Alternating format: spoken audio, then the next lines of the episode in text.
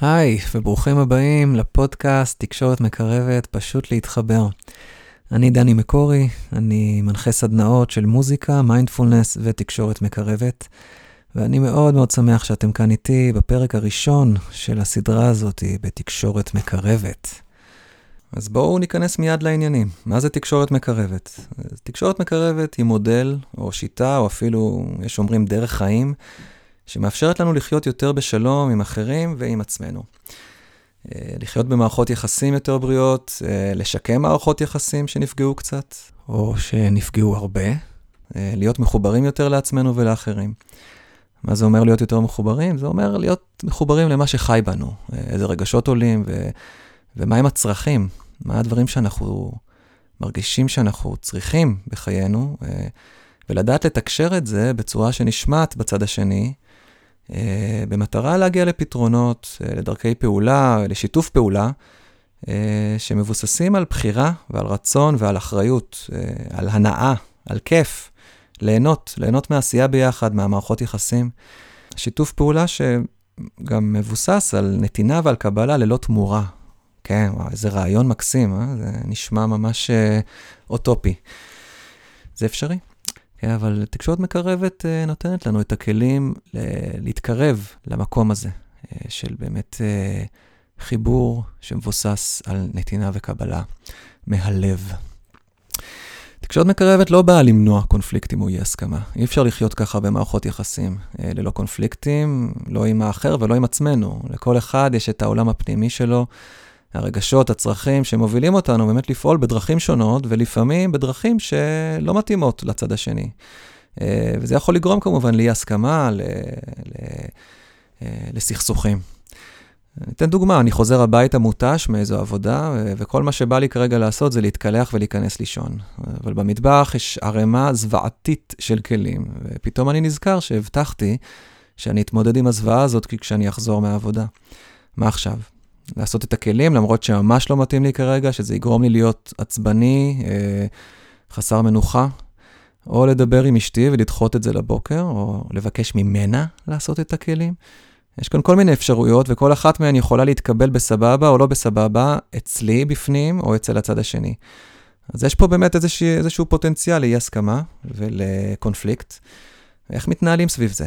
אז תקשורת מקרבת לא באה למנוע את החוסר הסכמה, החוסר הסכמה עולה אה, בגלל הסיטואציה, אבל לתת לנו דרך להתנהל ולהתמודד עם הקונפליקט או עם החוסר הסכמה, ולהימנע, להימנע מהריבים המיותרים, מההידרדרויות של האי-הסכמה למקומות שאפשר uh, להימנע מהם. Uh, להימנע מדרמות, להימנע ממניפולציות רגשיות, מעלבונות, מכעס, כן? בקיצור, זה, זה איזשהו כלי מאוד מאוד שימושי שיכול באמת לשמש אותנו בחיי היום-יום. אז המטרה של הפודקאסט הזה היא ללמד את המודל, להציג דוגמאות ולתת לכם תרגילים מעשיים, פרקטיים, ממש, שיעזרו לכם להשתמש במודל הזה על בסיס יומיומי אה, בכל המערכות היחסים שלכם, אם זה עם הילדים, עם ההורים, עם בני הבנות זוג, אה, עם חברים בעבודה, קולגות, חברים מחוץ לעבודה, עם עצמכם, עם ההורים. וואו, כמה ריבים מיותרים יש לי, היו לי עם ההורים, ועדיין, כן, עדיין יש לי מדי פעם. אני מתעצבן על אבא שלי או על אמא שלי שהם עושים דברים, למרות שאני כבר יודע שיש מאחורי זה אה, צורך, יש מאחורי זה דברים שכבר איזה שהם דפוסים שאני כבר מקבל, ובכל זאת זה מרתיח אותי. איך שאנחנו באמת נכנסים לכל הריבים האלה ולאי הסכמות, דווקא עם האנשים שהכי חשובים לנו. אנחנו נדבר על זה בהמשך גם.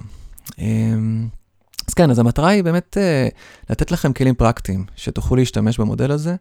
אני גם ממשיך ללמוד ולתרגל בעצמי, אני לא חושב שאפשר למנוע ולוותר לחלוטין uh, ריבים ודרמות, אבל אפשר בהחלט לצמצם את הכמות שלהם. אפשר גם להקטין את הזמן שלוקח לנו להתפייס, או להבין יותר טוב מה קרה ואיך להמשיך הלאה.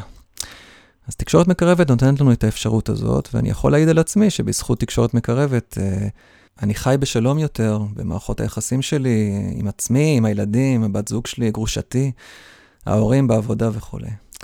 וזה מרגיש לי כל כך טוב ונכון, זה כל כך מעצים ו- ו- ומשרת את החיים בצורה כזאת שחיים בצורה יותר נעימה, יותר כיפית, יותר בהנאה.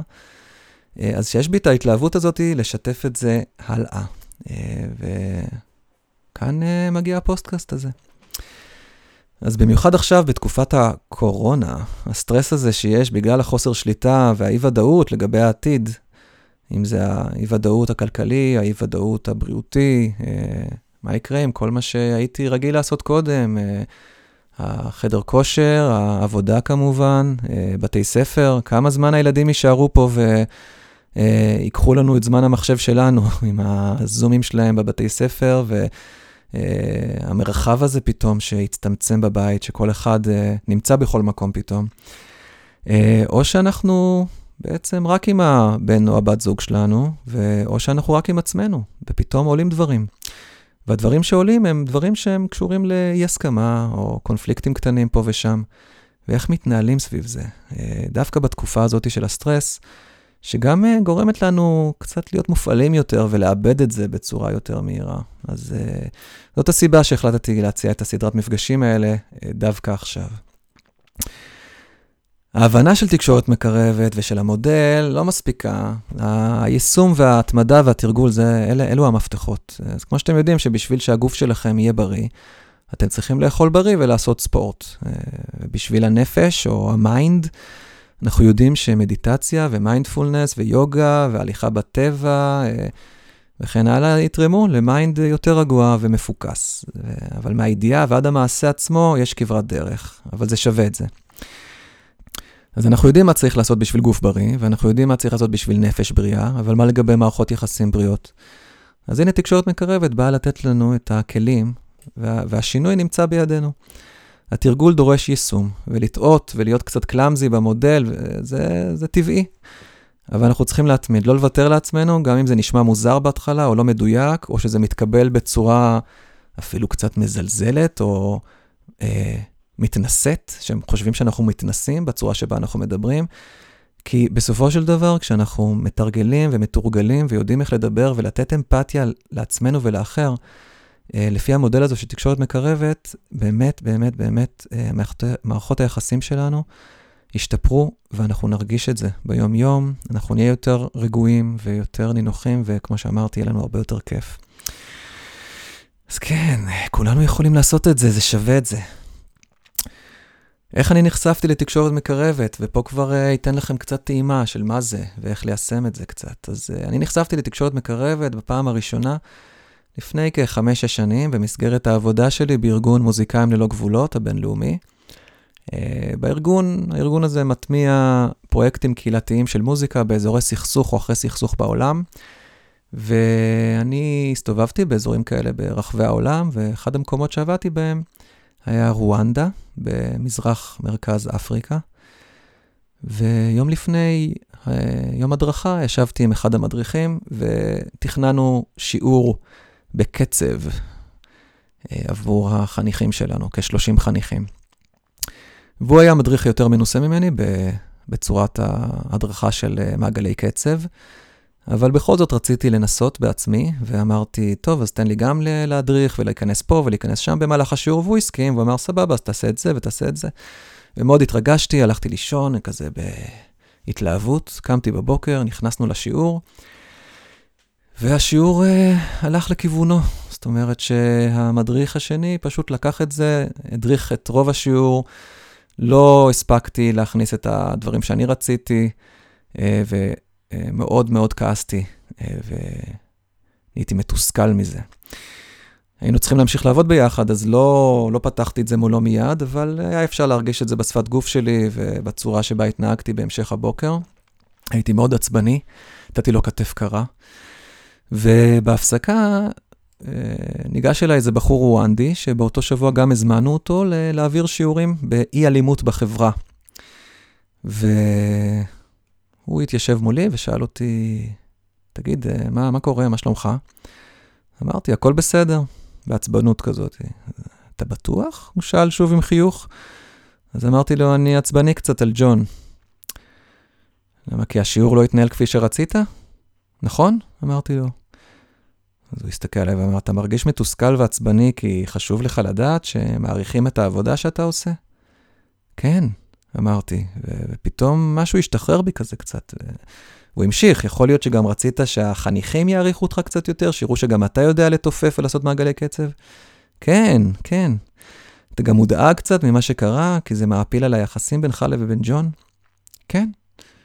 והיית רוצה למצוא דרך להתקרב אליו, אבל אתה קצת חושש ממה זה יעשה לכם? כן. ככה הוא המשיך והמשיך והמשיך, ובדק איתי איך אני מרגיש ומה הייתי רוצה שיקרה.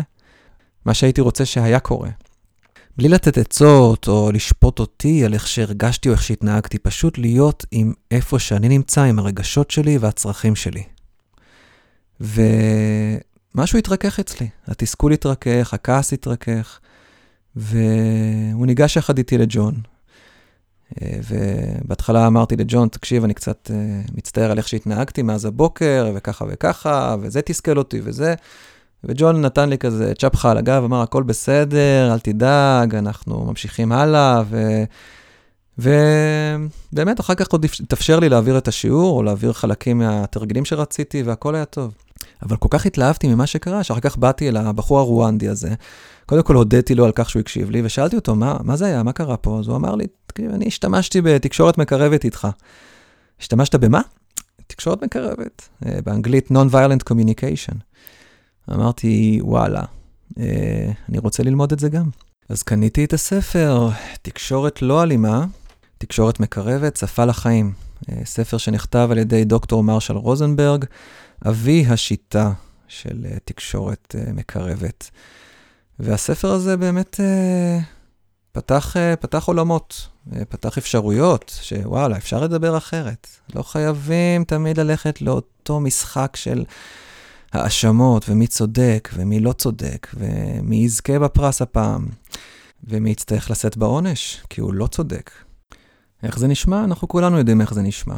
כן? אנחנו מתנהלים רוב היום במשך היום, וכאשר מישהו פועל בצורה שלא מתאימה לי, אז אני מקטלג אותו כלא בסדר, ואז אני מתחיל לשחק את המשחק שבו אני אוכיח לו שאני צודק והוא טועה. כי לצודק מגיע פרס ולטועה מגיע עונש. הבטחת שלא תרביץ לאח שלך הקטן, ובכל זאת עשית זאת, מגיע לך עונש. נתתי, נתתי לך לישון עוד שעה בבוקר, ואני הייתי עם התינוק כל הזמן הזה, אז מגיע לי פרס. השארת את החלב בחוץ והוא התקלקל, מגיע לך עונש. דני, לא התקשרת כל השבוע, אני ואבא שלך מרגישים שלא אכפת לך מאיתנו פתאום. מגיע לי עונש. למה נתת לילד עוד פרוסה עם שוקולד? דיברנו על זה שהוא יאכל בריא בבוקר. בום, מגיע לי עכשיו עונש. סוף סוף יש לנו זמן בערב ואתה מעדיף לנגן עם חבר שלך דרך זום. בום.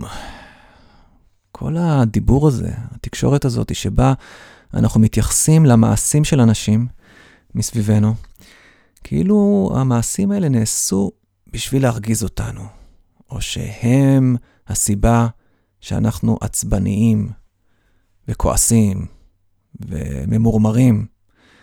הצורת אה, דיבור הזאת היא צורה שמרשל רוזנבורג והשיטה הזאת שתקשורת מקרבת קוראת לה אלימה. זאת צורת התקשורת שהיא אלימה. היא מייצרת מרחק, היא מייצרת ניכור, היא מייצרת כעס, היא מייצרת עצבנות, היא מייצרת אה, אה, כאלה תחושות בבטן שמתגברות ומתגברות ומתגברות עד שאנחנו מתפוצצים פתאום. המשחק הזה הוא משחק שמביא לריבים, למלחמות, לדרמות, לפרדות, ולא רק בין שני אנשים, אלא בין קבוצות של אנשים, בין קהילות, בין מדינות. מה שיפה בתקשורת מקרבת זה שאנחנו עוזבים את השפה הזאת מאחורינו ומנסים משהו אחר. תקשורת מקרבת נותנת לנו מרחב להרגיש את כל מגוון הרגשות הלא טובים האלה. את התסכול, העצבנות, הדאגה, הפחד, חוסר נחת, המרירות, החוסר סבלנות, החוסר ביטחון, אפיסת כוחות, אפילו כעס, ולבטא את כל אלה בצורה מלאה. אבל בלי להאשים את האחר ברגשות האלה. להאשים מישהו אחר באיך שאני מרגיש, זאת אלימות. לומר שאת אחראית על כך שאני עכשיו עצבני, זאת אלימות. ולמה? כי כל מה שאני מרגיש תלוי בעולמי הפנימי. המחשבות שלי, הדפוסים שלי, האירועים והחוויות שלי מאז האנקות ועד היום. אה, הספרים והחדשות שאני צורך, האוכל שאני אוכל, הספורט שאני עושה, ההורמונים שפועלים אצלי בגוף, כל מה שמסביבי יכול להיות גירוי לרגשות שלי, אבל לא הגורם לרגשות שלי. אותו גירוי יכול לגרום אצלי רגע של כעס, אה, אבל אצל מישהו אחר זה לא, כמו שאומרים, לא יזיז לו. וזה מה שיפה בתקשורת מקרבת, שיש מקום לכל הרגשות שעולים בנו, אה, אבל אין שום דבר לא בסדר בלהרגיש כועס או מפחד או עצבני, או נגעל. אין שום דבר לא בסדר באיך שאתם מרגישים. להפך, הרגשות הלא נעימים הם בדיוק אלה שיעודדו אותנו להתחבר לעצמנו, להבין מה המקור, מה הגורם האמיתי של הרגשות, לא השני. הוא הגירוי, אבל יש גורם אצלנו שגורם לנו להרגיש לא טוב. לגלות מה זה, לגלות את זה עם עצמנו, לגלות את זה לאחר, ולפעול בשיתוף פעולה בשביל uh, לענות על הצורך הזה שחי בנו ושבגללו וש, אנחנו מרגישים לא נעים. אז אני רוצה לתת דוגמה לכך שאני אחראי על הרגשות שלי. זאת אומרת שכל דבר שקורה סביבי הוא רק הגירוי ולא הגורם. הנה דוגמה, קמתי בבוקר, והילדים צעקו, ולא הסכימו להתלבש בזמן, ולא צחצחו שיניים, ורבו, והיו מכות, ובכי, ויצאתי עצבני, והבאתי אותם לבית ספר. ואז מישהו חותך אותי בכביש, כפי שקורה בארצנו הקטנטונת לא מעט. אני כנראה אאבד את זה. אני אתעצבן, אני אנסה לחתוך אותו בחזרה, וזה קרה לי לא מעט פעמים, שלא יכולתי לשלוט בעצבים שלי, ושיחקתי משחקים מסוכנים, כן, גם על הכביש, לדאבוני. יום אחרי זה אני קם ווואו, יש הרמוניה בבית, הילדים נעימים, הם קמו לפניי, בשקט, צחצחו שיניים, התלבשו לבד, הכינו לעצמם קערת קורנפלקס. עוד הספקנו להתגושש כזה בכיף לפני שיצאנו לבית ספר, והתחיל לי יום בכיף, ישנתי טוב, ושוב מישהו חותך אותי, אבל הפעם יש בי איזשהו רוגע נפשי בפנים, שהתחיל ביום טוב, בשינה טובה. וקרוב לוודאי שאני פחות אתעצבן מזה, אני פחות אתרגז, אני פחות אכעס, כי מצבי הנפשי, ה... ה... היכולת שלי לווסת את עצמי מבחינה רגשית היא יותר, יותר uh, גדולה כרגע, יותר חזקה. אז אותו גירוי יקרה, אותו אדם חותך אותי בכביש, אבל יום אחד אני יכול להתעצבן ולהגיב ברגשות מאוד מאוד קשים, שיגרמו לי לפעול בצורה שהיא לא מיטיבה עם מי או עם האחר. כמובן בכביש זו, זו, זו דוגמה הכי, אה, הכי מיידית להתנהגות שיכולה כמובן לפגוע בי ובאחר. או שאני אקום ויהיה לי יום טוב ומישהו יחתוך אותי, ובדיוק אותו בן אדם שחותך אותי, אותו גירוי, אבל הגורמים שקורים לי בפנים, גורמים לי להרגיש בסדר עם זה. אז כשאנחנו מבינים את הדבר הזה, שאנחנו לוקחים את האחריות על הרגשות של, שלנו, ולא מאשימים את השני ברגשות האלה, ההבנה הזאת היא אחד המפתחות החשובים ביותר במודל הזה של תקשורת מקרבת ובשיפור מערכות יחסים ותקשורת בכלל. אז לקחת אחריות על הרגשות שלי, לא להאשים את השני, כפי שאני לא רוצה שיאשימו אותי ברגשות של אחרים. כי ברגע שמאשימים אותי, אז הבן אדם השני הפך לקורבן, ואני לא רוצה גם להרגיש שאני קורבן של בן אדם אחר, אני רוצה לקחת אחריות על הרגשות שלי. אז מה עושה תקשורת מרחיקה או אלימה? מה עושה, מה ההפך מתקשורת מקרבת? כי זה הדבר שאנחנו הכי מכירים. אז יש מילים שאנחנו משתמשים בהן, אה, ביטויים, צורות דיבור, טון דיבור, טכניקות שונות שאנחנו מתאמנים בהן כל החיים בשביל שאנחנו נצא צודקים וננצח במשחק הזה של הצודק או הלא צודק. אז אתם יכולים שנייה לעצור את הפודקאסט ולקחת מחברת ולכתוב לעצמכם אילו דברים אתם יודעים על עצמכם שאתם עושים, שאתם משתמשים בביטויים, במילים, בטון דיבור מסוים, במשחק הזה של מי אשם ומי מי, מי לא צודק. אה, כשאתם, אה, כשאתם חווים שיחה לא טובה, כשאתם חווים תקשורת שהיא מרחיקה או אלימה. אז בתרגיל שעשיתי בקורס האונליין, אז uh, עלו כל הדברים האלה, מניפולציות רגשיות, חוסר הקשבה, תסכול, התנהגות של, או דיבור פאסיב אגרסיב, התנגדות, שפת גוף מכווצת, סגורה, האשמות, שתיקה, שתיקה רועמת, רגשות שליליים שעולים בצורה מסוימת, רצון להוכיח את עצמנו, להראות שאנחנו צודקים, מענה קר, ניתוח אופי, להשליך את האשמה, הרמת קול, זעם ללא שליטה, חוסר הקשבה, הצטדקות, ציניות, אינטלקטואליזציה של הדברים, עלבונות, אימפולסיביות, קיבעון מחשבתי, מבט מצומצם, גלגולי עיניים, שפת גוף מאיימת, חוסר עצירה, כעס, ביקורת, הכללות. ואני אוסיף לזה עוד כמה דברים. השוואות, לדוגמה, הייתה לך שעה פנויה, אז עכשיו גם לי מגיעה שעה פנויה. כן? כאילו שהצורך שלי בשעה פנויה לעשות דברים שלי הוא שווה ערך לצורך שלה. אולי, אולי היא צריכה יותר, אולי היא צריכה פחות. ההשוואות האלה שהן כאילו שאנחנו שווים, כאילו שהצרכים שלי, גם אם יש לי צורך בלנוח ולה יש צורך בלנוח, זה אותו צורך, עם אותו אה, מטען בפנים. זה לא, זה לא. אנחנו כולנו נמצאים במקומות שונים במשך היום, וההשוואות האלה, או ההתחשבנויות, אה, אני עשיתי אתמול כלים, אז היום אתה, או אני קיפלתי פעם אחרונה, אז היום אתה תקבל.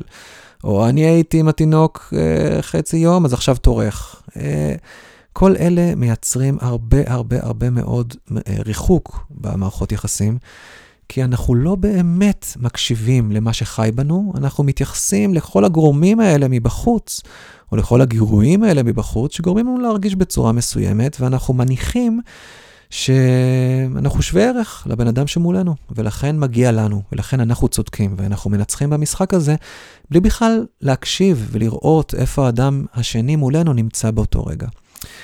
Uh, עוד דבר שנמצא, שקורה הרבה ב, בשיחה שהיא לא טובה, או בשיחה בתקשורת שהיא מרחיקה או אלימה, זה השימוש במילה צריך. אני צריך עכשיו לעבוד. אני חייב עכשיו להתקשר להורים שלי. אני צריך עכשיו לצאת החוצה לרוץ.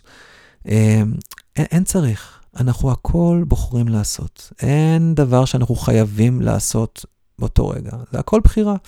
וכמובן, יש בחירות שיש להן uh, תוצאות לכאן ולכאן, אבל ברגע שאני משתמש במילה אני צריך לעשות משהו, אני חייב לעשות, אני כאילו לא מאפשר בכלל אפשרות uh, לפתוח, כי אם אני חייב, I have to do it, I must do it, אז אין פה בכלל uh, מקום לדיאלוג, או להבין למה, או מה נמצא מאחורי זה. זה, זה, עוד, זה עוד כלי, עוד טכניקה שאנחנו משתמשים במשחק הזה של הצודק או לא צודק. אז לנסות להמעיט, ב... לפחות כשאנחנו ניגשים לשיחה מקרבת ל... ומשתמשים במודל של תקשורת מקרבת, להמעיט במילה הזאת או בצרת, ב... אה, בביטוי הזה, אני צריך ל, אני חייב ל, אני חייבת אה, ללכת. אה, אז, אז, אז כל, כל הדברים האלה שעכשיו פירטתי, שעלו גם בשיעור וגם שהוספתי לו, זה, זה מסמל את המשחק הצודק לא צודק, הרווח וההפסד. מי שמנצח זוכה במשהו, מי שמפסיד יצטרך לשאת באיזשהו עונש. ותקשורת מקרבת אומרת, רגע, יש אפשרות אחרת, יש משחק אחר. משחק של חמלה, משחק של uh, תקשורת uh, שהיא מכילה, שהיא אמפתית, uh, תקשורת שבה אנחנו נהנים להקשיב למה שהשני צריך, למה שהוא מרגיש, על מנת באמת לענות על הצרכים של כולם. בלי להאשים, בלי לשפוט ובלי לוותר על עצמנו ולא לתת לשני לוותר על עצמו. כי אם אני אשתמש בטכניקות האלה של האשמה ואנצח, אז תיווצר פה איזושהי אנרגיה שתגדל ותתגבר, והיא תחזור אליי כמו בומרנג, ואנחנו יודעים את זה. אנחנו מכירים את זה במערכות יחסים, אה, זה מה שנקרא הכוס הרגשית, אני אדבר על זה בפרק הבא. אבל מה שמשותף לתקשורת מקרבת ו... לתקשורת המרחיקה, זה שבשניהם אנחנו רוצים להשיג משהו, בסופו של דבר. אנחנו רוצים למלא איזשהו צורך שחי בנו.